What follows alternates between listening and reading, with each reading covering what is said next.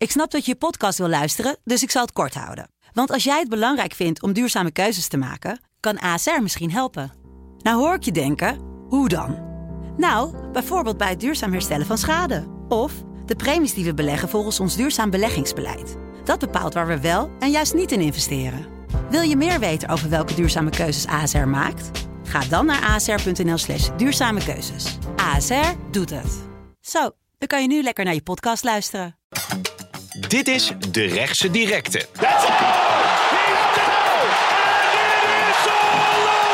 De vechtsportpodcast van De Telegraaf. Met Lars van Soest en Wilson Boldewijn. Welkom bij de derde aflevering van De Rechtsdirecte, de vechtsportpodcast van De Telegraaf. En natuurlijk is mijn partner in crime, telesportverslaggever Lars van Soest van de partij. Lars, wat is jouw uh, belangrijkste nieuws? Wat is jou opgevallen de afgelopen week? Nou, het was een, een, vrij rustige vechtsportweek. Minder druk dan de vorige keer. Toen hadden we echt heel veel te bespreken qua partijen en gevechten die, die achter de rug waren. Nu eigenlijk vrij weinig, maar uh, ja, wel mooi nieuws vanuit Limburg. Uh, Jarno Ernst uh, is getekend door de UFC en komt meteen komend weekend al in actie. In ja, Parijs. hè? Ja. Dat is leuk, UFC dicht bij huis. En we hebben een gast, niemand minder dan de jubilaris. Tom Haring. Tom is uh, de founding father, een van de founding fathers van het kickboksen in Nederland.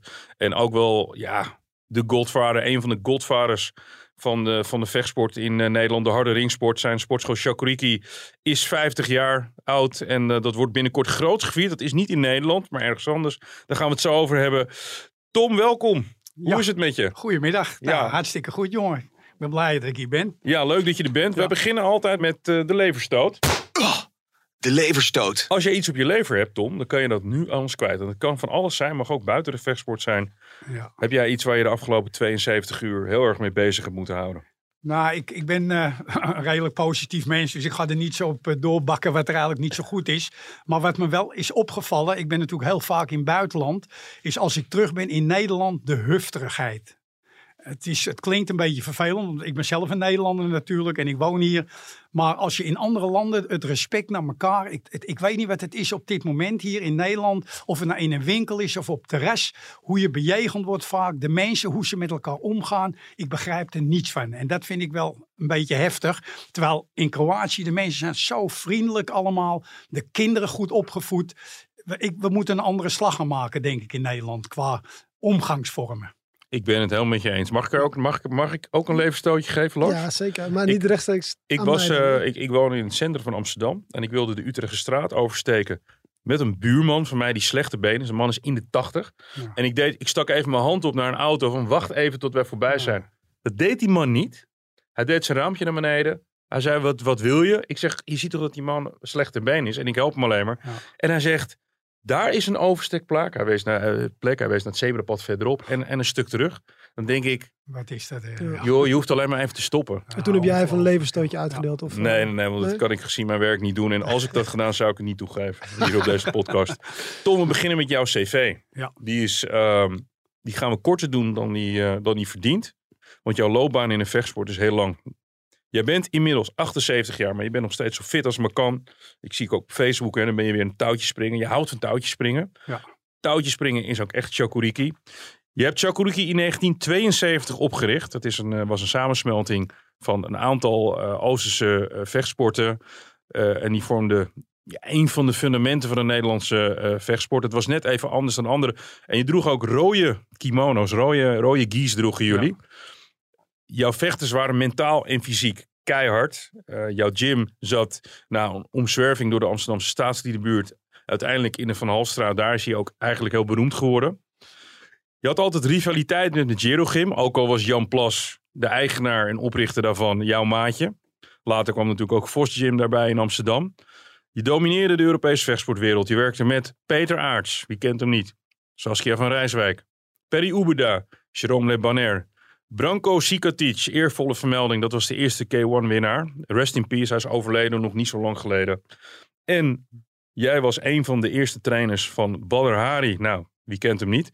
Je bent getrouwd met de in de sportwereld bekende hoogleraar sport en recht Marjan Olvers, die we heel vaak in allerlei praatprogramma's zien als er weer iets in de sportwereld, of het nou doping is of er is iets anders aan de hand, dan komt Marjan Olvers uh, opdraven. Je vertelde me net even dat je al 30 jaar met haar bent. Ja, ruim 30 jaar. Ruim 30 jaar. Hoe kan ze het uithouden hè, met mij? Hè? Nou, dat is dat- alleen dat al is een, eh, een vermelding waard.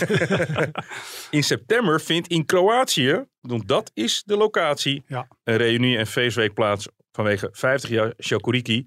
En Kroatië, dat weet ik ook, dat is het land wat jouw hart heeft gestolen. Hè? Waarom eigenlijk? Nou, ik ben natuurlijk daarmee in aanraking gekomen dat eh, Branko Sikatic bij me trainde. Dat is een eh, zwaargewicht uit eh, Kroatië. Solin woont hier vlak bij Split. En hij was toen al wereldkampioen bij diverse instanties. En hij vocht in Zweden met een team tegen een Zweeds team. En dan was ik scheidsrechter. Ze hadden me gevraagd om daar scheidsrechter te wezen. En toen kwam hij naar me toe. En eh, toen zei hij, hij stelde zich voor. Hij zegt, ik ben Branko. Hij zegt, ik hoor uw school. U hebt veel eh, goede vechters. Vindt u het goed als ik bij u mag komen trainen? Ik zei, nou, dat is oké, jongen. En hij is gekomen en eh, hij is altijd gebleven bij me eigenlijk. En geweldige successen mee gehad. Maar daardoor is ook jouw liefde van Kroatië begonnen. Ja. Nou, dat, dat kwam eigenlijk zo toen Branko in Japan vocht in 1993 in de eerste K1. Die won hij op drie knockout. De finale partij tegen Ernesto Hoost. Ernesto hè. Hoost, Dat, ja. eh, en toen eh, kwam ik in, eh, na de wedstrijd kwam ik in Zagreb kwam ik aan. En nou, er was zoveel mensen kwamen dan naar het vliegveld om hem te interviewen. Nou, tegen de 80, 90 man zeker wel. Schrijvende pers, televisie, radio. En nou, zo te gek met die sport waren ze bezig. En het jaar erop kwam ik met Peter Aarts. Die won toen de K1, ook van mijn school. In Schiphol. En er stond één mannetje van Best. Dat plaatsen net als vroeger hadden we de Echo, zo'n blad, weet je. Dat, die schreef dan voor zo'n blaadje. En in 95 won die de keer weer. En toen stonden er twee man. Datzelfde mannetje uit Best met een fotograaf. En dat verschil alleen al van ons land met een ander land. En ja, toen kwam ik in 93 dus in, in, in zeg maar in Kroatië. En nou, ik, ik, ik viel in love meteen. Ja. Hoe de mensen waren voor de sport en alles. En nou ja, ik ben daar ook altijd gebleven. Maar jij mist dus ook eigenlijk een beetje de erkenning in Nederland. Hè, als ik het zo Juist, hoor. juist, ja. Maar ook voor de vechters vooral. Kijk, tuurlijk, mijn, ik was trainer, maar die jongens, en Peter, die zet daar een geweldige prestatie neer. Er is helemaal geen krant eh, of wat dan ook van een beetje naam die daar een, een, een artikel over schrijft. is toch te gek voor woorden. Ja. Terwijl je staat in een hal met 65.000 mensen op televisie, 20 miljoen Japanners die het zien. Het volkslied wordt gespeeld. Nou, je komt thuis en er is zogenaamd niks aan de hand. Want kickboksen is, ja, wat, wat is kickboksen? Je moet schaatsen of voetballen. Je ja, wordt er dan- nog een dan- beetje boos om als ik je zo ja, eh, dan, dan vind ik dat erg. Want zo'n jongen verdient toch echt, die daar een geweldige prestatie neerzet. Tegen zeg maar acht toplanden gevochten. En daar de hoofdprijs binnenhaalt. Die hoort gewoon het respect te krijgen. Nou, wat we het probleem wat we natuurlijk hadden, in de, want we moeten het eigenlijk hebben, hebben over jouw festiviteiten. Maar wij hadden in de jaren tachtig hadden we André Brilleman. Natuurlijk een jongen van Jan Plas. eh, met Jerogim, die de bodyguard was van eh Weile Klaas Bruinsma. Eh, die is in het beton gevonden. Klopt. En dat heeft de kickboxsport altijd, vooral in de jaren tachtig, heeft heel veel schade aangericht. Ja. Kickboksen werd in één keer geassocieerd met criminaliteit eigenlijk. Hè? Ja. Dat ging toen heel hard. Maar hoeveel moorden werden er niet gepleegd door niet-kickboxers? Ja. En, en, en het is ook altijd als er iets gebeurt en hij hebt toevallig al heb je maar twee weken gekickboxd, staat er ook in de krant altijd de kickboxer. Ja. Maar dat is in mijn ogen geen kickboxer. Hij is gewoon een keertje wezen trainen en doet een beetje stoer. Maar weet je, het etiket wordt ook opgeplakt, ook door de media toen de tijd. En terecht. Ik bedoel, wat fout is moet verteld worden. Maar dat wil niet zeggen dat je de positieve dingen niet moet be, hè, be- Nee, nee, nee, zeker. Want, maar Tom, heel even over, eh, we gaan het zo verder hebben over het verleden. Waarom, eh, oh nee, je doet het in Kroatië. Waarom doe je het eigenlijk in Kroatië, niet in Amsterdam? Nou ja, dat is een van de redenen omdat ik altijd in Kroatië, wat we ook deden, altijd alle medewerking kreeg van de Ja. regering, van, van de gemeentes, van de sportorganisaties. Ja. En dat ontbrak hier en daarom had ik er geen zin meer in. Ik heb toen mijn 45 jaar bestaan gevierd hier. En eh, Ik was erbij. ja, hè, dat Ja, was je ook hier nog even, verderop ja. in, eh, Ja. bij Sloterdijk. Ja, en het was hartstikke druk en hartstikke leuk. Maar verder, nou ja, je hebt een klein stukje, je hebt de Telegraaf er toen nog inderdaad Ja, aan ja. gewijd. Maar ja, ik, ik heb gewoon mijn hart verpand in Kroatië. En daar heb ik ook nu een school met een jongen, ook een Chakuriki school.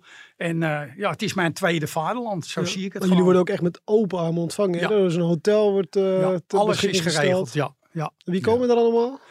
Nou ja, er komt eh, de, zeg maar Pedro Rizzo, een bekend uh, Ja, UFC-vechter. ook nog zien vechten. En eh, ja, alle, al mijn leraren die shakuriki geven uit acht landen komen daar. Dus Rusland is daar, Japan, ehm, Spanje, Duitsland, ehm, Brazilië. Ja, Brazilië, die komen allemaal. Alleen ik hoorde vandaag dat die Russische jongens wat moeite hebben om een Ja. visum te krijgen. Maar die proberen dan via een ander land eruit te gaan. Dat zijn wel slimme jongetjes, weet je wel. Misschien moeten we dat niet te hard Via, zeggen. via dan- Turkije meestal. En dan natuurlijk heel veel, ja, heel veel Kroaten die daar natuurlijk naartoe komen. En ook eh, andere jongens uit Roemenië. Ook veel van de Balkan. Omdat ik in Servië ben ik pas nog geweest. Had ik een podcast opgenomen. Komt ook een hele ploeg. Ja, dat wordt hartstikke gezellig. Eén grote familie. Spreek jij die taal een beetje? Eh, Kroatisch begin ik nu eindelijk na al die jaren. Het is moeilijk hoor. Ja. Dobre jutro, goedemorgen. Ja, hoe gaat het met je? Dat is een liedje. Maar het is een hele moeilijke taal. Het leuke is, mijn zoon die spreekt het heel goed. Omdat die is bevriend met eh, de zoon van Branko Sikatic. Die Ja. is even oud zijn ze. En die kennen elkaar al als klein kind. En mijn vrouw die spreekt het behoorlijk. Maar ja, dat is een, eh een Bolleboosje. Dat is een bolleboosje, die heeft- Marian. Die, die hebt te veel hersens wat dat betreft. maar het, het is moeilijk. Maar het is wel leuk. Ik begin het nu eindelijk te leren. Ja. We gaan even een rondje sparren. Tijd voor een rondje sparren. Lars, mijn vriend, we gaan even het eh, laatste nieuws eh, in het vechtsportwereldje bespreken. Je zei het net al, hè? Jarno Errens. Ja. Moet nog even aan zijn naam wennen. Jarno Errens. Hij is de nieuwste Nederlandse Ja. UFC-aanwinst. Ja, Vertel. zijn naam loopt niet rollend of zo. Hè? Het is Nee. eh, Errens, ja, een onder, kleine gekke onderbreking of zo, eh, halverwege die achternaam. Maar goed, ja, 27-jarige jongen uit Limburg. Eh, nou, niet, niet heel ervaren, maar ook weer niet, eh, nou, geen groentje. Dus misschien een mooie leeftijd om, het, om te debuteren. Ik sprak hem eh, gisteren, dat zei hij ook, van nou, ik, ik, ben, ik ben er klaar voor. Ik heb genoeg eh, ervaring om, om te debuteren en er is nog genoeg ruimte om beter te worden. Hij neemt het op tegen William Gomis, een beetje tegenstander met een vergelijkbare, vergelijkbare record. En ja, hij wordt de 17e Nederlander in de UFC, als ik het goed heb uitgerekend. En eigenlijk de tweede nu naast Jermaine de Randami, die, die daar nog onder contract zat, alleen al twee jaar niet heeft gevochten. Ze heeft een duimblessure gehad en Ja. ik las dat ze zwanger probeert te worden. En hij is, ja, hij is echt de opvolger van Alistair Overeem, met wie hij laatst nog trainde. Overeem was de laatste Nederlandse man in de UFC. Hij wordt dan weer de eerstvolgende. Ja. We hebben ook een fragment met hem. Ja, ik kijk natuurlijk met eh, volle enthousiasme uit naar mijn debuut. Het is altijd iets waar we naartoe hebben gewerkt. En dat het nu een moment daar is, dat het daadwerkelijk gaat gebeuren. Dat is gewoon fantastisch. Dus daar zit een volle enthousiasme in. Maar ook een stukje nuchterheid van, hey, het wordt dadelijk gewoon keihard werken. Flink knokken, drie keer vijf minuten sta je daar. Misschien wat meer spanning dan normaal. Het is niet voor niks op mijn pad gekomen. Dus ook nu moeten we gewoon zorgen dat we, dat we gewoon een mooie partij gaan neerzetten. Ehm, mijn doelen voor eh, later in de UFC, of ja, voor nu in de UFC. Eh, ik wil eigenlijk gewoon eh, op een mooie, mooie manier, stap voor stap, zo snel mogelijk naar de top gaan. Tot, dat we niet alleen een, Nederlandse vechter, een mannelijke Nederlandse vechter in de UFC hebben, maar ook gewoon een, iemand die de top kan behalen en gaat behalen. Dus alles stap voor stap. Maar ik wil natuurlijk wel nu een topcontender gaan worden. Prachtig Limburgs accent. Lars, welke, wat ik niet weet, welke gewichtsklasse vecht hij? Vedergewicht, ja. Hij is een vedergewicht. Dus Vedergewicht. is een, Hij kijkt op naar Max Holloway. Eh, hij wilde die eh, Max Holloway zeker niet uitdagen. Dat is echt nog eh, een beetje te, te hoog gegrepen misschien voor hem. Dat is natuurlijk de oud-kampioen, hè, dus eh, die kan wel wat. En wat hij ook vooral hoopt is ja, dat hij als Nederlander ook weer de UFC naar Nederland kan trekken. Om daar weer een evenement eh, te organiseren. Geweldig eigenlijk. hè. Met een zachte G denk je, dat kan geen vechter Nee. zijn, maar het is een geweldige vechter. Ja. Maar het klinkt zo vreemd. Hè? Je bent het niet gewend, omdat natuurlijk toch vaak uit de, de steden van de westerse kant eh, Ja. komen. Ja, Limburgs heeft, heeft soms iets liefelijks, iets Ja, z- ja. zangerigs. Maar, eh, maar ja, hij is een bikkel. pas maar op voor zijn Ja, vuist. hoor, absoluut. want, ja. Heeft hij verder nog iets gezegd, Lars? Of? Eh, nou, wat ik zei, dat hij graag hoopt dat de UFC naar Nederland komt. En dat hij eigenlijk, ja, wil het stap voor stap echt gaan doen. eh, niks overhaast. Hij heeft een contract voor eh, vier partijen of twintig maanden. Dus dat hangt er een beetje vanaf in hoeverre, hoe vaak hij in actie Ja. kan komen. Hij hoopt natuurlijk zaterdag te winnen en dan zo snel mogelijk echt weer te, te vechten. Zodat je die vier partijen zo snel mogelijk kan afwerken en zo snel mogelijk richting de top kan. Ja, want we zitten natuurlijk met Parijs. Ehm, de UFC is natuurlijk. Door de corona zijn ze richting het Midden-Oosten gegaan. Maar het is nog steeds een heel erg Amerikaanse aangelegenheid. Willen ze gewoon toch weer wat meer. We hebben UFC Rotterdam een jaar geleden gehad. Ben ik nog geweest. Ja, twee keer. Twee keer. 16 en 18 voor mijn gevoel. Maar... Wi- Willen ze iets meer richting Europa? Heb jij dat idee? Weet ik niet. Maar als je kijkt naar. eh, ze hebben nu Engelse kampioenen, Leon Edwards. Ja. Nou ja, Ja. goed, dan is het logisch dat je Dat zo'n ze kampioen- automatisch daar gaan vechten. ja. dat je Ja. weer in Engeland. En ze waren ook in Londen volgens mij dit jaar nog. Ja. Eh, misschien staat er ook al. En in Ierland?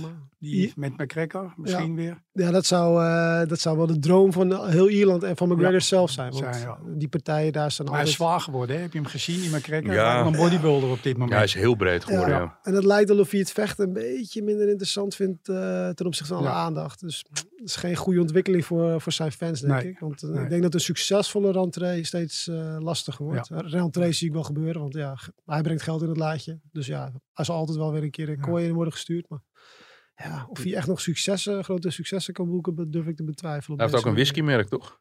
Heeft hij verkocht. Oh, heeft hij verkocht? Ja, is natuurlijk Nou. een man van het geld. Hè? De, de, de schoorsteen rookt in ieder geval bij de firma Mcgre- Ja, McGregor. Absoluut. Heb je de, de jacht van hem gezien? Ja, de ja. hele zomer in de Middellandse Zee ligt Ja. hij eh, te dobberen en een Ja. beetje te chillen en te trainen. Ja, maar rijk worden, dat kan. Maar rijk blijven. Dat, daar vraag ik, heb ik bij hem wel eens een beetje mijn Vraag vraagtekens maar bij. Mike Maar Tyson. Die ja, het precies. ook. Ja. Dat is het voorbeeld. Hey, Reinier de Ridder, die eh, heeft zich eh, zinnen gezet eh, bij eh, een bijzondere partij, bij One FC. Hij wil drie dubbel kampioen worden. We hebben een fragment. Die partij zou wel eens kunnen gaan gebeuren. Zou super gaaf zijn, want eh, dit, ik zou de eerste zijn die in drie gewichtscategorieën kampioen wordt. Ehm, ik was al de eerste die eh, in twee gewichtsklassen kampioen is en ongeslagen. Ehm, dus proberen een beetje meer eh, geschiedenis te schrijven, dat zou, eh, dat zou heel gaaf zijn. En dat is een beetje het doel van dit alles. Ik wil iets, iets proberen te doen wat niemand anders kan.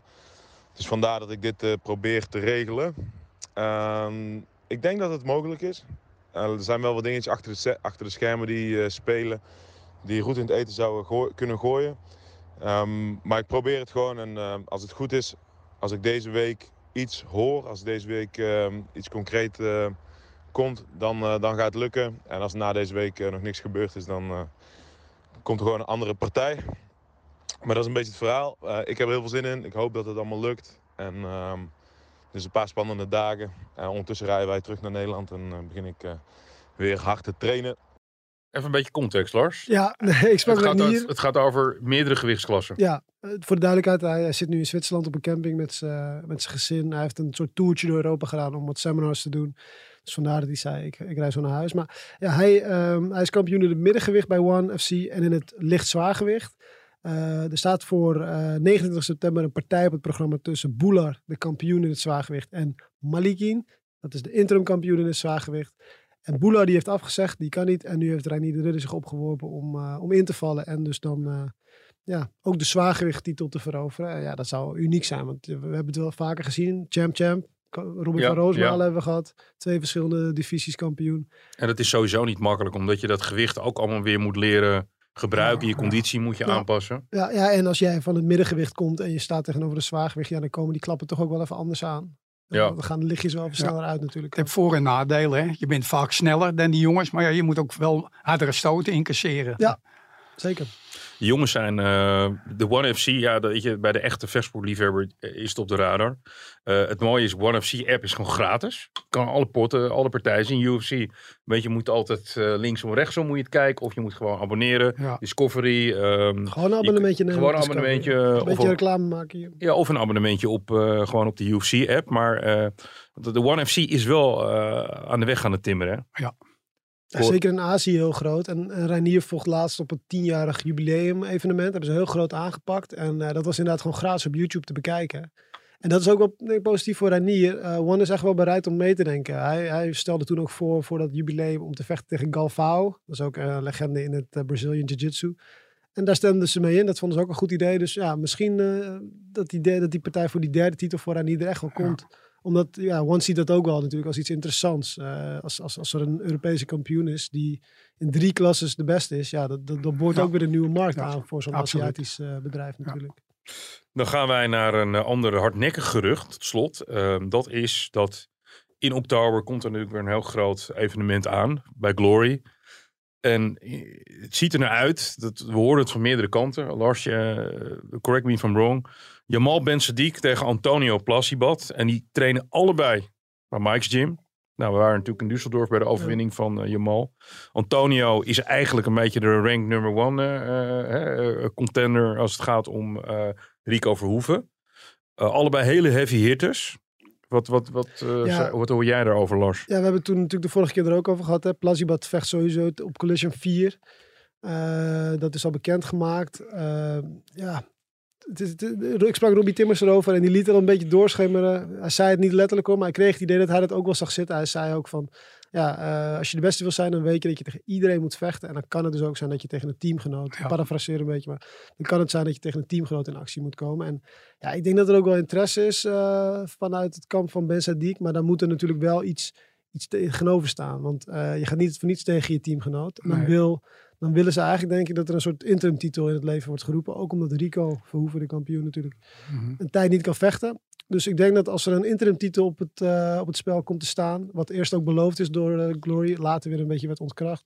Als ze dat doen, dat die partij wel kans van slagen heeft. En wat, ja, wat we zeiden vorige keer, dan gaat Mike lekker op de tribune zitten. En dan uh, Mike Passanier, de trainer van beide. En dan gaat hij gewoon maar kijken, denk ik, wie er, wie de, ja, de, de, de, de interim titel pakt en de, de, volgende tegenstander van Rico wordt. Hoe ging het bij jou, Tom, bij Chakuriki, als jij jongens uit dezelfde stal moest nou, doen? Hoe deed jij dat? Er was in Rotterdam toen een achtmans toernooi door, uh, hoe heette die jongen ook weer, die zwaargewicht, ook bevriend met Chris Dolman, een lange, lange jongen. Die heeft ook tegen Peter Haas gevochten in Japan. Die Ging neer? Nee, een lange, lange, slanke jongen. Hij gaat met een Turkse vrouw uit het zuiden van het land. Ik ben even zijn naam kwijt. Uh, Rob van Esdonk? Ja, Rob van Esdonk. Oké. Okay. Nou, die, die, had een groot toernooi, daar stond hij zelf ook in. En daar had ik toen Pedro Rizzo in, die trainde toen bij mij. En Lloyd van Dam. Ja. En die stonden, kwamen allebei dus in de finale. Nou, toen ben ik ook inderdaad, ben ik niet, is mijn zoon achter Pedro Rizzo gaan staan. En een van mijn assistenten bij de andere kant. En toen ben ik gewoon op de tribune gaan zitten en heb ik me er niet mee bemoeid. En dat werd toen gewonnen door Lloyd van Dam. Omdat Pedro Rizzo was weer zo'n Braziliaan. Die kon niet tegen zijn eigen clubmaat vechten. Nee. Dat nee. deed hij niet. Hij, Nee. hij, hij verdomde het. Hij ging wel vechten omdat het moest. Maar het, het zag er niet uit. En Lloyd, ja, die moest. Het ging om de winst ook natuurlijk. Een groot bedrag. Maar dat is wel vervelend hoor. Als je jongens tegen elkaar staan. Ja. Ik vind dat heel na. Maar ja, het kan gebeuren. En dan, dan moet je inderdaad eh, keuzes gaan maken. Wat ga je doen? En neutraal, neutraal je opstellen is het best. Want anders heb je toch ruzie met de ander. Want dan trek je die man weer voor. Of je trekt die man voor. En daar zijn die vechters gezeik. heel gevoelig voor. Ja. Dus eh, het is een goede keuze dat hij dan gewoon eh, aan de zijkant staat. Ja. Ja, en Lloyd is helaas ook niet meer onder ons. Goh, veel te- 51 jaar. Veel te jong. Veel te jong Lloyd van. Dam, de hardste low kick specialist van de wereld. Dat blijf ik zeggen. Niemand kon zo hard trappen als Lloyd. Heb ook twee keer iemand zijn onderbeen gebroken. Wat natuurlijk niet zo prettig is. Maar goed, het, het was een gigant. Het geeft aan Maar hoe ja, hij hield van lekker eten. Hij hield heel erg van lekker eten. En dan was hij 135 en dan moest hij van mij naar 115. En dan hield hij zich behoorlijk aan. En tot ik, tot kwam hij weer in de dag. Wat zie je toch? Ja, Sen, ik ben s'avonds toch wel even een pizzaatje gaan eten. hij Ja. had de mentaliteit van zijn broer moeten hebben, Ja, Clyde. Clyde. Die heeft ook bij mij getraind en gevochten. Ook een paar keer een toernooi gewonnen. Maar die had de mentaliteit van een pitbull. Maar Lloyd was eigenlijk een te lieve jongen voor deze sport. Hij kon het geweldig. Maar hij kon een ander geen pijn doen bijna. Weet je, dat, dat was echt zo. Maar wel iemands been breken. Ja, dat, maar ja, dat ging dan zogenaamd per ongeluk. een vanzelf. Ja, Ja. het snoeiharde kicks. sterke gozer, ja. Trouwens, Rest, over- over, rest, eh, in, po- rest in peace, Ja, eh, Lloyd van. Dam. Trouwens, Ehm, over Ben Sadiq, uh, uh, Plassie wat mogelijk. Ik had nog even contact met Glory en die zijn, ja, we kunnen niks zeggen. We zijn druk bezig en het hangt allemaal een beetje van elkaar af. Levi Richters komt dan ook nog in actie in Arnhem en die moet ook nog een tegenstander krijgen. Dus ze zijn druk bezig, maar nog niks eh, definitief. Ja, maar ze lopen natuurlijk een beetje tegen het probleem aan. Dat, dat die heavyweight, de, de gasten die lonken voor die titel. Dat zijn natuurlijk Plasibat. Dat zou natuurlijk weer een, een, een eh, Ben Sadiq zijn. Maar ja, eh, Rico is er niet Ja. in Collision. Wat natuurlijk ook sowieso al een gemis vanwege zijn eigen evenement. Dus je moet wel, voor zo, je moet wel zo'n tent uitverkopen. Moet je wel de beste tegen elkaar gaan zetten. Ja, ja, ja dat is, dit is een mooi affiche, dus dat gaat zeker eh, mensen Ja, trekken. dat had je met de K1 wel. Je had een hele grote keuze aan zwaargewicht. Hè, vanuit welk land dan ook. Nieuw-Zeeland, Australië, Zuid-Afrika, hè, Frankrijk, Nederland. Het is de, eigenlijk is die, die markt is niet zo heel groot bij Glory met zwaargewichten, vind ik. Daar hebben ze een beetje op vergalopeerd, denk ik. Nee, klopt. Het zijn elke keer dezelfde namen. En dat gaat op een Ja. gegeven moment natuurlijk eh, een beetje botsen. Want ja, Ja. iedereen heeft al een keer tegen iedereen, iemand iedereen heeft al een keer tegen iedereen Ja. gestaan. En eh, dan wordt het voor het publiek ook minder interessant. Terwijl je hebt genoeg goede zwaargewichten hoor. Echt, ik, ik ken er een hele hoop in het buitenland die eigenlijk nooit aan de bak komen. Maar die zeker geen slecht figuur zouden slaan op een gloriegala. Dat is niks voor jou, matchmaker, Tom.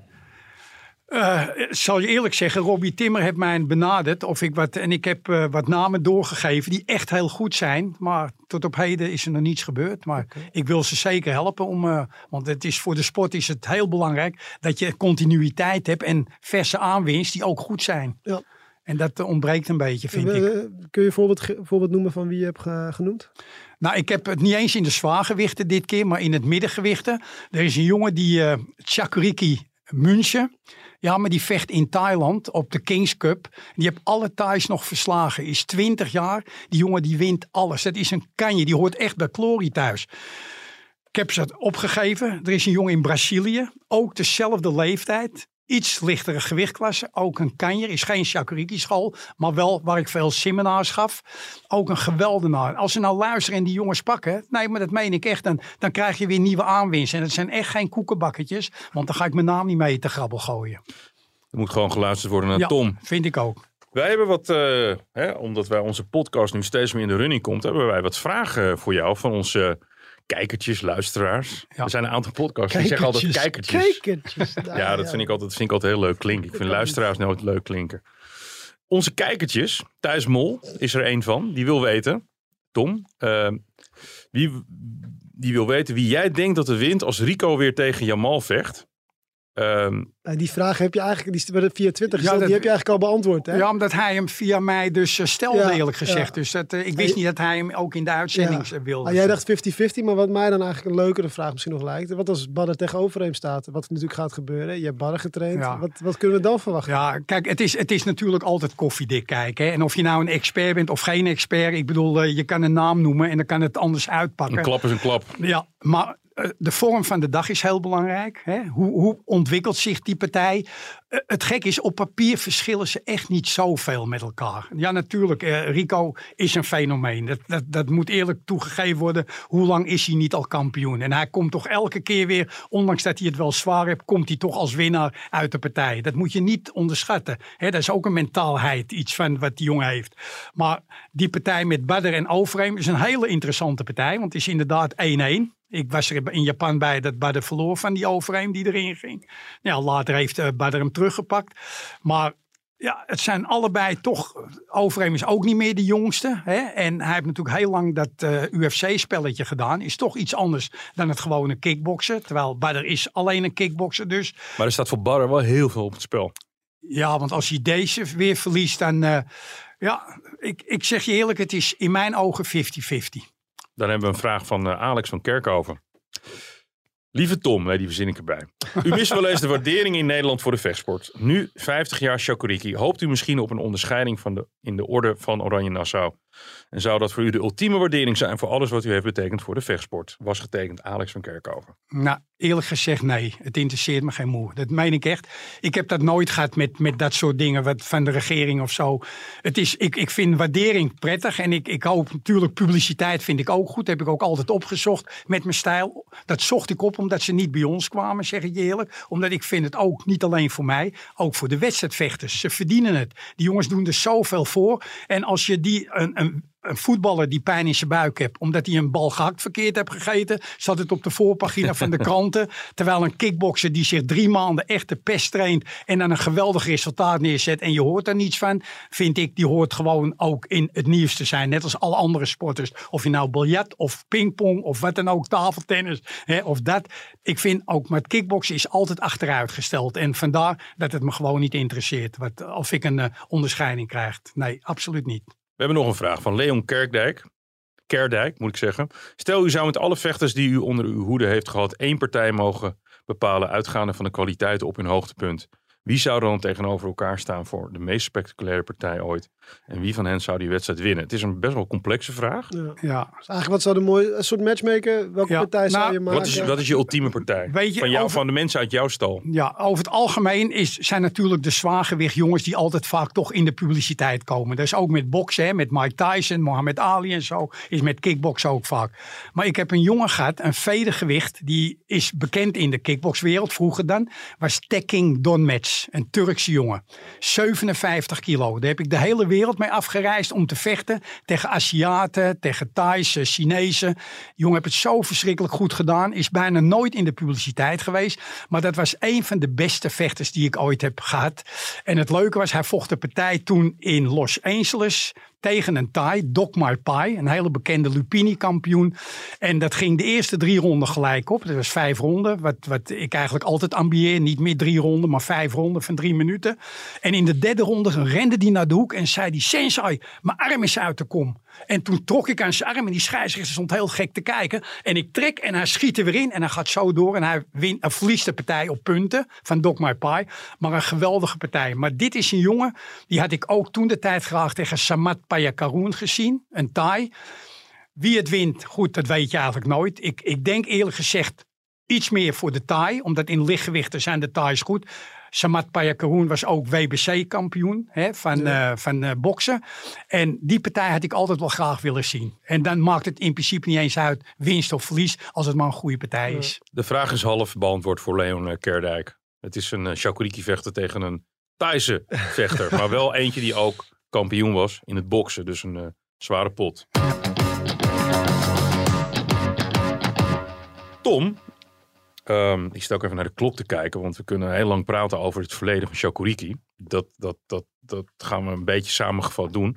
Maar wat ik eigenlijk ook met je over wil hebben, jij bent um, zelf het grootste deel van je leven, ben je geen vechter zelf geweest. Nee. Ben je heel snel trainer geworden. Eigenlijk was jij, was je heel jong al trainer. Ik, ik praat wel eens met mensen en, die, en ik vraag dan jongens, wat is nou eigenlijk het geheim van Tom Haring?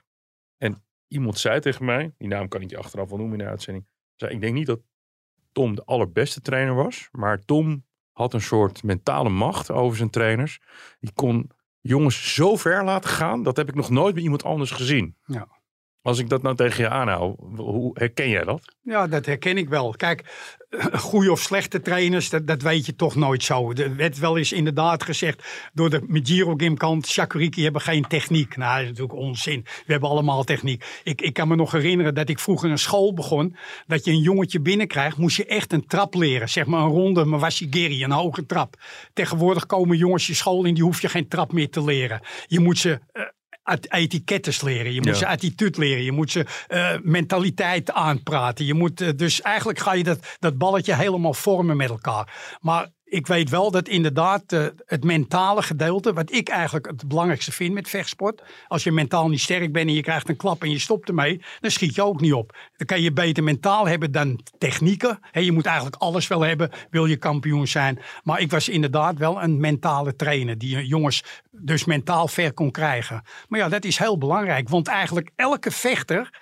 En of het nou Badr Hari is of een Peter Arts, voor de partij zitten ze allemaal een beetje stuk. Iedereen. En dat weet je als trainer. En vooral als je een oudere trainer bent, hè, je hebt een soort vader uh, heb je met die jongens, dan weet je echt wel wat er speelt. En iedereen bijna die de ring in gaat is onzeker. En daar moet je ze doorheen trekken. En als er dat weer weg is, dat ze weer geloof in hunzelf hebben, dan zetten ze ook een goede partij neer. Maar dat is grappig wat je zegt, want uh, ja, ik was natuurlijk al voor deze podcast bekend met Chakuriki, maar je gaat er toch even meer verdiepen. Aanraden trouwens, tik het in op uh, YouTube. Kijk wat van die oude documentaires. Jij komt in een prachtige oude Mercedes-Benz van de Halstraat oprijden. Prachtig beeld. Met maar, telefoon. Met telefoon. Staat je eerste. nog. Eerste. Ja, staat je nog. Bijna mafioso-achtig. Ja. Maar uh, wat je zegt over dat mentale. Ja, er zijn ook beelden van een strandtraining. En dan loop je over de buiken van je leerlingen. Het, ja, het had iets van een secteachtig. Alsof het volgelingen waren. Maar dat was vroeger ook wat normaler met sportschool. Heb ik wel eens begrepen. Ja, het was meer budo-achtig. Het, het, was geen kickboxschool. Wij, wij zijn een shakuriki-school. En dat was een levenswijze. Want het gek is, wij trainen ook met wapens.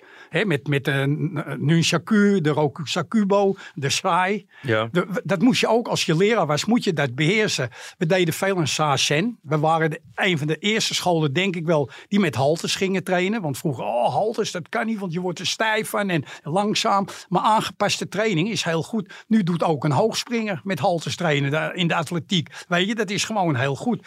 Dus we hadden een heel trainingssysteem, had ik eigenlijk gecreëerd. En waar de mentaliteit voorop stond, maar ook correctheid. He, je leerde ook je jongens in de school die bij je kwam, al die, die straatjochies, om niet op straat te vechten. Dat kon je ook niet hebben voor je naam. En tuurlijk was dat wel een moeilijke opgave, maar op een gegeven moment lukte dat toch dat je die jongens een bepaalde richting induwt. Dus het is niet alleen mentaal met vechten, maar ook hoe je mentaal in het leven staat. En dat was heel belangrijk voor mij. Kun je ook uitleggen waarom je het zo, uh, waarom jij er toe gekomen bent om een eigen stijl op te richten? Ja, nou, Eerlijk gezegd weet ik het niet precies. Ik, ik, ik had dus vroeger gejudo'd. Hè? Toen ging ik boksen in dienst. Ik heb militaire dienst gedaan. Heb ik gebokst. Ik met, kwam met Safat in aanraking aan boord van een schip dat ik drie jaar gevaren heb. Frans kickboksen. Ja, het, uh, het van ze. En toen eigenlijk uh, dat ik bij Jan Stappen trainde. Dat was een Kyokushinkai uh, man die van John Blooming afkwam. Die een dependance had. En daar trainde ik. En toen was ik een paar maanden trainde ik. Had ik oranje band. Had ik heel snel. En toen was er een wedstrijd in Groningen. Een zwarte banden toernooi. En toen hadden we vier zwarte banden. Maar Jan miste één zwarte band. En toen zei hij, Tom, wil jij, ik krijg de zwarte band om. Je gaat gewoon knokken, want je bent een knokker. Nou, dat heb ik gedaan. En toen die partij in Groningen werd ik gedisqualificeerd. Stond ik tegen een hele lange Groninger. De trappen gingen heel goed. Maar ik stoot hem iets te hard op zijn hoofd. En dat mocht niet. Je moet toucheren. Ja. Hè, met Kyokushinkai. Mag je niet op het hoofd. Uh. En toen werd ik gedisqualificeerd. En toen was ik eigenlijk zo teleurgesteld. Ook op mezelf. Dat ik denk, verdorie, weet je, verlies ik mijn partij. Uh, onwettig, je, je, mag dit niet. En toen ben ik gaan denken, weet je, ik zeg ik ga een eigen stijl creëren. Ik ga iets waar je wel alles mag. Met worstelen, met judo, met karate, met boksen. En toen heb ik eigenlijk het shakuriki geformeerd. Heb ik toen ook dat boek De Ontleende Kracht gemaakt voor die jongens. En eigenlijk daaruit is voorgesproken. Het is eigenlijk net als UFC nou een complete vechter te wezen. Ja. Maar terwijl, terwijl het als stijl is het heel snel gemorfd naar het kickboksen. Omdat toen kreeg je natuurlijk uh, met Jan Plas en met Johan Vos, je kreeg natuurlijk die, die competitie. Ja. En eigenlijk is de, was de uitingsvorm, wat, werd, het, het, het pancratieachtige deel bleef op een gegeven moment achterwege. Ja, het, het begon wel zo, want Charles Dumignet was de eerste. Het was een, uh, een Hagenees. Ja. En het was zo'n Wutsu-leraar. Een beetje een uh, vreemde vogel, maar een artiest, een geweldige man. En die begon eigenlijk voor het eerst wedstrijden in Amicitia in Den Haag te organiseren. Met verschillende vechtstijlen. Dus Petjang Sila, Taekwondo, Kempo, uh, karate, nou, shakuriki. En daar hebben we verschrikkelijke successen behaald. En toen we in die kleedkamers binnenkwamen, zag ik wel die taekwondo's, die trapten de lampen zeg maar van het plafond af, zo geweldig. En mijn jongens, dat waren nog beginnelingen, die konden nog niet zo hoog trappen, maar het waren wel knokkers. En daarmee zag ik al dat mentaliteit het eigenlijk won van de technieken. En daar ben ik op door gaan borduren. Natuurlijk, kijk, de goede dingen pak je ook. Er zijn ook jongens die bij mij, een Perry Ubeda, nou die trapt ook uh, de lampen eruit. Ja, en, Perry was geweldig maar Perry die werd kampioen in een taekwondo gala. Lloyd van Dam die won een Kyokushinkai gala. Ja. We wonnen een, een weet je, Safat wedstrijden, Gilbert Ballantini. Dus onze stijl kon wel overal aan meevechten. En dat was eigenlijk mijn doelstelling. En hoe ben jij op al die, die, die ingrediënten voor het recept van Chokuriki gekomen? Je bent de hele wereld over gereisd? Of hoe, nou, het was door reizen. Want we hadden toen eigenlijk had ik een team die toen met uh, Charles Dumignet alle wedstrijden bijna wonnen. Hè, heel veel. Toen werd ik uitgenodigd in Berlijn bij George Bruckner. En er was Bill Wallace en al die gasten waren daar. Bill Wallace kon ook heel goed trappen. Ja, Dit is echt hele, uit de hele oude doos. Ja, uit de oude doos. Maar het is wel leuk om te weten. Hij speelde ook wel eens in films. Er was in 10.000 mensen waren in het stadion, in de Berliner uh, sporthallen. En dan had ik vijf jongens vechten. En van die vijf jongens, verschillende gewichtklassen, wonnen drie de eerste plaats. En toen we in Saasen zaten, ik vergeet het nooit, waar we het mediteren voor de wedstrijd, hadden we onze shakuriki pak aan. En ja, zij, voor, voor, de, voor de kijkertjes, Saasen is met, met gekruiste benen. Ja. Met mediteren. Je, met je, mediteren met je, met je vuisten op je dijbenen. Zelf bij het liet ik die jongens even tot ja. rust komen. Sprak ik met ze. En toen liep er een man achter me en die zei... Chakuriki. What kind of Chinese food is dat? Weet je, echt deginerend. Maar ik besteedde geen aandacht aan, want ik was met die jongens. De wedstrijden waren geweest. Toen kwam diezelfde man naar me toe. was Bill Wallace. En die zei, Tom, I have to apologize myself. Hij zegt, ik moet mijn excuus aanbieden. Ik heb nog nooit zulke knokkers gezien als wat jij hebt voortgebracht. Nou ja, daar was het mee op, weet je. Vandaar wilde ik zeggen. Maar toen gingen we naar Thailand. Werd ik uitgenodigd ging ik met die vijf jongens die hadden gewonnen naar Thailand. Wat denk je? Alle vijf een pak slaag. Verschrikkelijk. We hebben op ons kloten gehad, jongen. Dat was niet normaal. Thai was een ander spelletje. was een ander spelletje, ja. maar ellebogen, knieën, clinchen, dat wisten wij niet. Kijk, nu weet je alles. Die ja. jongens zitten op internet. YouTube, toen had je geen internet. Ja, toen had je geen YouTube. Dus ik kwam daar en ik zag dat, dat ik daar twee weken met die jongens kwam. En bij de eerste wedstrijd zag het al meteen. Ik denk, dit is... Maar ik heb niks tegen mijn jongens gezegd. We gingen trainen. Probeerden nog gauw die ellebogen en knieën erin te gooien. Maar dat lukte natuurlijk niet. De, de jongen die het langste bleef staan was Ramkisoen. Die bleef drie ronden staan van de vijf. De rest ging allemaal in de eerste ronde knock-out.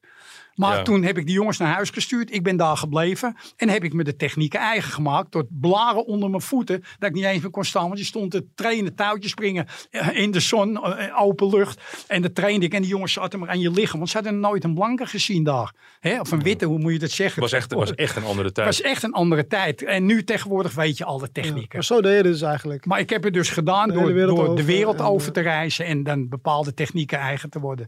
En even, even een sprongetje in de tijd. We kregen op een gegeven moment de jaren... Hè, op een gegeven moment morfde dat in... in- Je, je maakte je de Muay Thai technieken eigen. We kregen Jaap Edal, werd het epicentrum in Amsterdam. Ja. Je had een beetje de grote drie. We hadden ook nog wel Rotterdam. We hadden nog een beetje Mengho, Breda. Ja.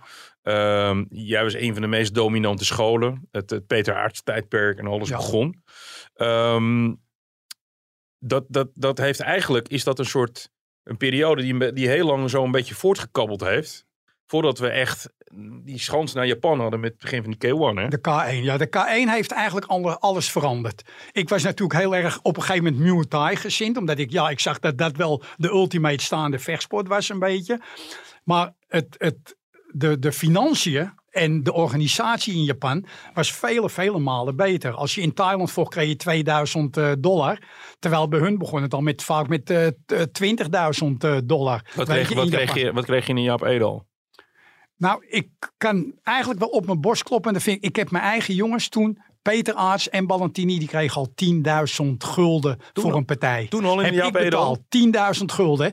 Dan had je je tegenstander, dat was altijd een buitenlander, want bijna Nederlanders had je niet. Moest je hotel betalen voor drie man, eh, ticket, ook hun geldgage. Was dan iets minder dan Peter en Kilbert. Maar ik betaalde het wel. We hadden geen televisie.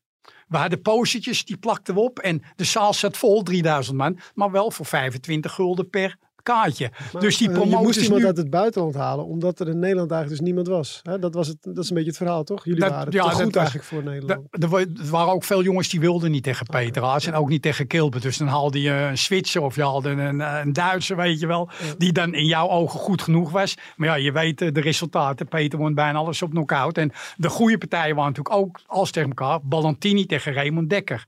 Ja, Peter ja, ja. Aarts tegen eh, Lopman. Hè? Of tegen andere jongens van Volgens mij Nederland. won Ballantine zelfs van, eh van Ramon Dekker. Twee keer gewonnen, Twee keer één keer verloren. Ja. Ze hebben drie keer tegen elkaar gestaan. En ik zal je eerlijk zeggen, één keer vond ik het niet juist dat Kilbert won. En één keer vond ik het niet juist dat Dingers won. Maar goed, het, het bleef in verhouding. Ze hebben drie keer tegen elkaar gevochten. Twee hele vreemde stijlen. Eén echte Muay Thai stijl, Raymond Dekker. En een Kilbert, een Shakuriki stijl. Veel bewegen, Ja. allerlei andere soort technieken. Maar het waren geweldige partijen. Ik heb nog wel een vraag over die, die rivaliteit ook. Want het, je had natuurlijk eh, Vos, Majiro en Chakuriki. Dat, was dat een beetje zoals Ajax, Feyenoord en PSV in één stad? Of hoe- Nou, hoe was die ik, ik denk nog heftiger, zal ik je eerlijk zeggen. Het, het, ze noemden onze studenten. Ik weet niet waarom ze ons studenten noemden. Want ik bedoel, ik heb vijf jaar, zes jaar lagere school. Verder ben ik nooit op school geweest. Ja, mijn vrouw is hoogleraar. Mijn kinderen hebben alle drie universiteit. Maar dat was toen de tijd, speelde dat niet.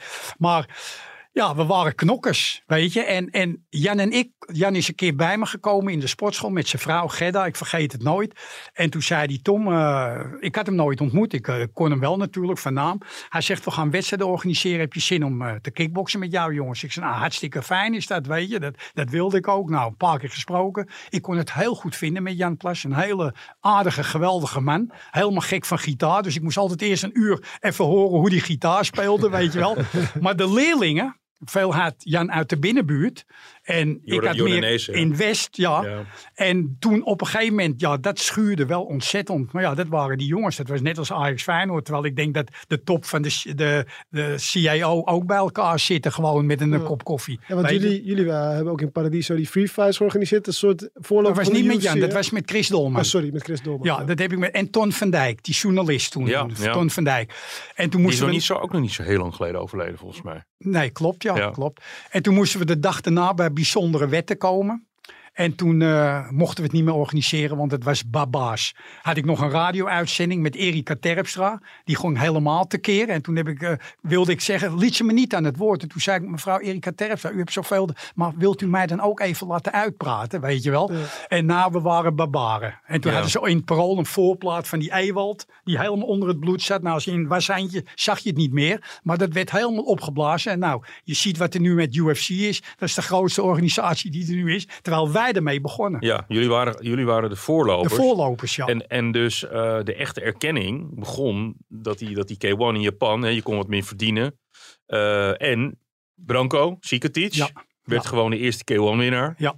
daarna Peter. Ehm, waar dat, eh, dat waren wel hele geweldige jaren. Want je kreeg eigenlijk de erkenning in Japan die je in Fantastisch. Nederland ontbeerde. Niet alleen in Japan, ook buitenland. Ja. Dus heel veel uit Australië, alle landen. Weet je, ik kreeg ook verzoeken om overal seminars te geven. Maar dat was, het leuke was, Peter zou daar vechten bij die eh, acht man. En toen werd ik twee weken daarvoor opgebeld door Issy. Hij zegt, we hebben een jongen die is uitgevallen van eh, Australië. Heb jij misschien nog een zwaargewicht? Ik zeg, ja, die heb ik. Ik zeg, Branko Sikatic. Dus Branko is eigenlijk een inlast, een, een, een, een, een assistentje geweest die meeging. En die daar dan toch even na drie partijen knock-out te winnen. Daar de K1-kampioen. En ook voor zijn naam een geweldige naam kon neerzetten natuurlijk. Hè, Branko Sikatic was gewoon de eerste K1-winnaar. Het Ja. eerste K1-toernooi. Ehm, Maar ja, ja, heel kort nog, want je hebt ook veel zelf gevochten. Hè? eh, maar je hebt ook een beginperiode van Chakuriki echt letterlijk moeten vechten om, voor het voortbestaan van de sportschool. hè? Toen kwam er iemand langs, kun je dat vertellen? Ja, nou, dat heb je goed gehoord, inderdaad. Nou, ik, ik had mijn eigen schooltje begonnen en na een maand of ja, drie, we hadden rode pakken. Ik denk, we gaan ons heel anders eh, profileren dan, dan andere stijlen. Ik bedoel, ik was ook geen karateka, dat was ook niet. En toen stond ik in mijn sportschooltje, stond ik ochtends te zuigen. Ik werkte toen in Le Pont d'Avion, dat was een discotheek. Daar stond ik achter de bar. Dat was, ik weet niet, bij de Vondelbrug. Ik weet niet of je dat nog weet. En toen stond ik, me, eh, stond ik te zuigen. En toen komt er een lange gozer binnen. Ik zal zijn naam niet noemen, want dat vind ik niet netjes. Hij is al inmiddels overleden. En eh, eigenlijk gewoon een heel aardige jongen. Maar die kwam dan in opdracht van John Blooming mijn sportschool sluiten. En ik sta zo te stofzuigen en hij zegt, eh Haring, ik moet met je praten, dit en dat. Hij zegt, eh, jij bent geen eh, leraar, je hebt geen zwarte band, dus je sluit. Ik zeg, ik heb geen zwarte band nodig. Ik zeg, ik doe een heel andere stijl dan Kielke. Maar nee, ik wil dat je hem sluit. Nou, ik deed mijn stofzuiger uit en ik gaf hem gelijk een rechtshoek. Helaas, het is niet goed, jongens. Ik wil het ook niet propageren hier voor, voor de radio. Maar dat was in die tijd. Want anders was Tom Harington niet meer geweest met zijn school. En ze, ze kunnen niet aan mijn, aan mijn eh, lief ding komen. Het Shakuriki-stijl. en Shakuriki, de zwarte band, was de rode band, hè? Ja, ja. Ja, je had geen zwarte band, maar de rode, rode band. band. En later had ik dus een gestreepte band en zo. Maar we hadden ook het bandensysteem. Dat deed ik wel. Omdat dat was wel een goed systeem. Daar kon je zien in wat voor level je kwam. En dat heb ik heel lang gedaan. Later, toen die wedstrijdsport echt zich ging ontwikkelen. Hebben we eigenlijk ook die katas en zo er allemaal een beetje uitgegooid. Want waste- dat vind ik bij de. Kyokushinka ook niks. Want ik had voor vechten had ik toen al de zwarte band, zei je. Inderdaad, Jan Plas. Maar al die katers had ik een schurfthekel aan.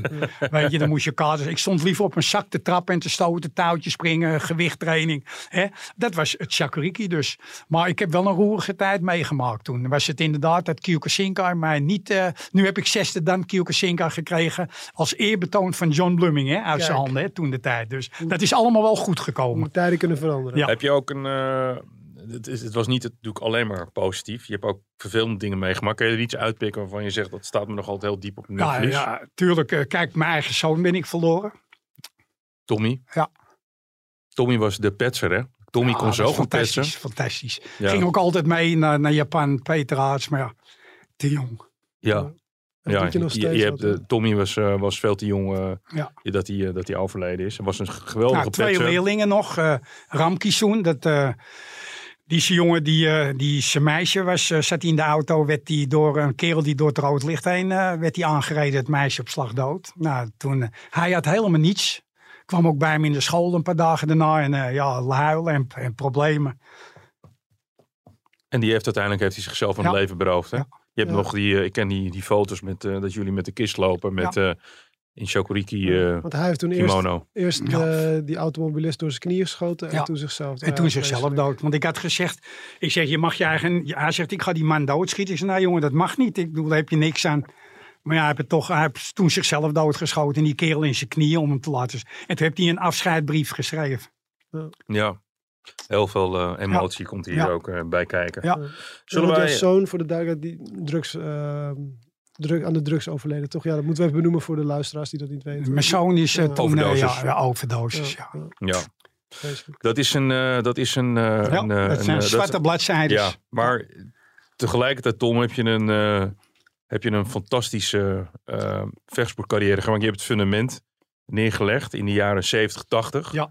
En iedereen van de Rico's, tot en met ehm, de, de Jamal Ben Sadiqs, noem ze maar op. Myrtle Groenars, die, die, die zijn allemaal op dat fundament groot geworden. Ja. En dat is wel iets wat iedereen jou dankbaar mag zijn. Dat ga je ook vieren met 50 jaar Shokuriki. Ja. Ehm, we komen zo direct nog met eh, de knock-out vraag. De laatste alles betekenende vraag die we jou eh, gaan stellen. Als, die, eh, als we tussen al deze verhalen nog eruit kunnen persen. Maar we gaan eerst even naar de prijsvraag. Antwoord op de prijs van vorige week. Ernesto Hoos die won eh, de K1 in eh, 2002. Nadat hij wel daarvoor een nederlaag in de eerste ronde had opgelopen. Maar hij ging door omdat hij Bob Sepp zo hard, hard toegetakeld dat hij niet verder kon. Ernesto die zag het zelf als een eh, eh, smetje. Anderzijds werd, werd hij daarmee ook de eerste die ooit eh, vier keer de K1 eh, won. Alex Pol die benoemde beide punten. Dus het kan niet anders dat hij wint. En eh, ja, dan heeft eh Ernesto ook een lekker gevoel over Ja. die prijsvraag, toch? Want dat- ja, want het ging erover dat hij eigenlijk had verloren en uiteindelijk toch K1 champion Ja. werd. En Ja. eh, dat vond hij eigenlijk een smetje. En op deze manier, door ook dit te benoemen, hè, dat hij de eerste werd, eh, nou ja, kan hij met een goed gevoel eh, deze podcast luisteren, denk ik. Alex krijgt een, eh, een shirt van eh, Ernesto Host. Tom heeft allemaal Shakuriki spullen meegenomen. Sh- Shakuriki was ook al vrij snel groot in merchandise. Want ik denk dat, ik denk dat Shakuriki wel eens een beetje de eerste... Er waren wel vechtsporten wat karateboeken. Maar Tom was altijd wel heel goed in het... ja, in het promoten. Ja. van... eh, Nou, Ja. Het is echt fantastisch wat hier ligt. We hebben hier ja, het, het gele boekje. hè. Ja, dat is leuk, omdat natuurlijk het kickboksen gingen we organiseren, maar er waren geen reglementen. Ja. En ja, toen ik als voorzitter van de bond, ik had toen die bond opgericht, ik denk dan moeten we toch reglementen maken. En toen heb ik eigenlijk eh, een paar weken lang zitten in de boeken zitten eh, loeren. En toen heb ik het karate, gewoon traditionele karate, wat reglement had. Eh, het boksen, boksen had natuurlijk de gewone reglementen. Het judo. En daaruit heb ik eigenlijk de reglementen samengesteld die vandaag de dag nog steeds worden gebruikt. En die heb ik toen in boekjes laten drukken voor de mensen om te studeren. We hebben toen ook echt proberen aansluiting te krijgen bij NRC, NSF. Maar die hebben ons nooit zien staan, omdat ja, het was maar een vechtsport. Maar die boekjes heb ik inderdaad toen gemaakt. En, Ja. we hebben nog geen prijsvraag, eh, Nee, Lars. nee, die moeten we nog eventjes eh, verzinnen. Maar die zetten we dan wel op, eh, op, de- social media. Op, de, op, jou, eh, op de Twitterpagina van Lars van Soes. Ed Lars van Soes. Dat is eigenlijk ook zeg maar het rechtse directe account. We Ja. hebben niet besloten om nog een eigen account erop eh, te maken. Omdat Lars natuurlijk ook gewoon verslaggever is van de Telegraaf. Dan kun je hem ook volgen voor het, eh, voor het nieuws. Hij gaat ook zelfs nog wel eens naar de Formule 1. Hè? Lars is van al, die zit volgende week bijvoorbeeld gewoon weer in Zandvoort. Deze week al. Deze week is het al, ja, de tijd vliegt. Het is Ja. komend weekend is het al. Maar mensen moeten echt meedoen, want eh, er liggen hier drie boeken, een tijdschrift. En ja, dat is denk ik wel eh, de grote prijs om in Formule 1 te Nou, ik denk dat ze dat Shakuriki broekje, want het Ja. is Broekje. tegenwoordig, is- hebben ze die niet meer. En moet je zien hoe mooi dat is. Het is echt prachtig gedaan met goud. Ja. En, eh, hè? Een Ik Shakuriki broekje. Ja. Dus ik had hem eh, eigenlijk zelf achterover willen drukken. Maar dat gaan we niet doen. Hou de pagina van Lars en Soes in eh, de gaten. We gaan naar de knockout. De knockout.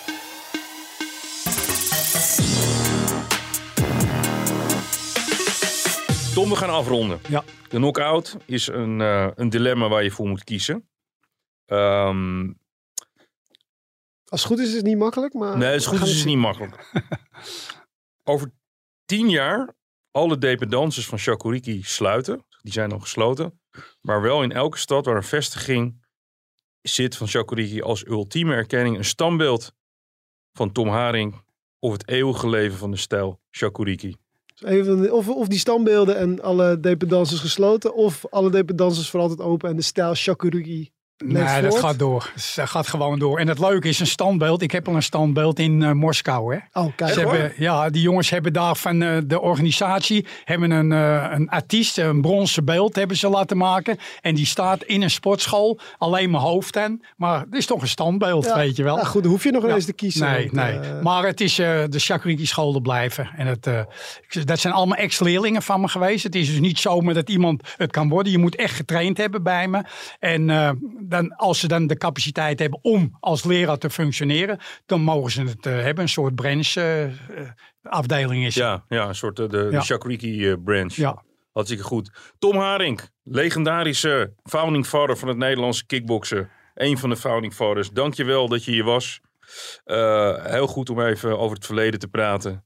En het heden. En ehm, jouw vrouw, hè, Marjan Olvers, de bekende sportjuristen, die, eh, die zien we ook altijd heel veel aan het woord. Dat kunnen we ook Ja. niet genoeg, want je bent ook altijd heel trots hoor, dat Marjan jouw vrouw, Ja, jouw vrouw is. ja. Daarom zeg ik het ook nog extra Ja, een ja, keertje. nee, maar het en, is en ook om zo. mooi af te ronden dan, dus de cirkel echt rond. Jullie hebben elkaar leren kennen Ja. Bij Chakurik. Bij het, ze was een eh, leerling van Marjaan. Dat heeft wel jaren geduurd, want ze was toen nog jong. Ze studeerde toen trouwens economie.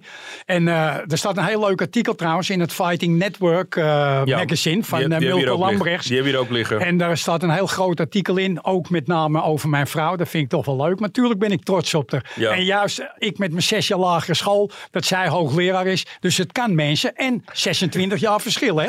Want het schijnt allemaal niet te kunnen vaak. Maar het schijnt heel goed, want we zijn na 30 jaar nog steeds verliefd. We hebben drie schitterende kinderen. Dus ik ben een heel gelukkig mens. Nou, dit Hoes. is een prachtige af. Mooie laatste woorden. Lars, dankjewel. We zijn er over, eh, ja, ik denk over een week of twee weer, Ja, zoiets. ja. Abonneert u zich op deze podcast op het platform waar u dit op luistert. Dan krijgt u automatisch een bericht als er weer een nieuwe uitzending is. Tot de volgende keer.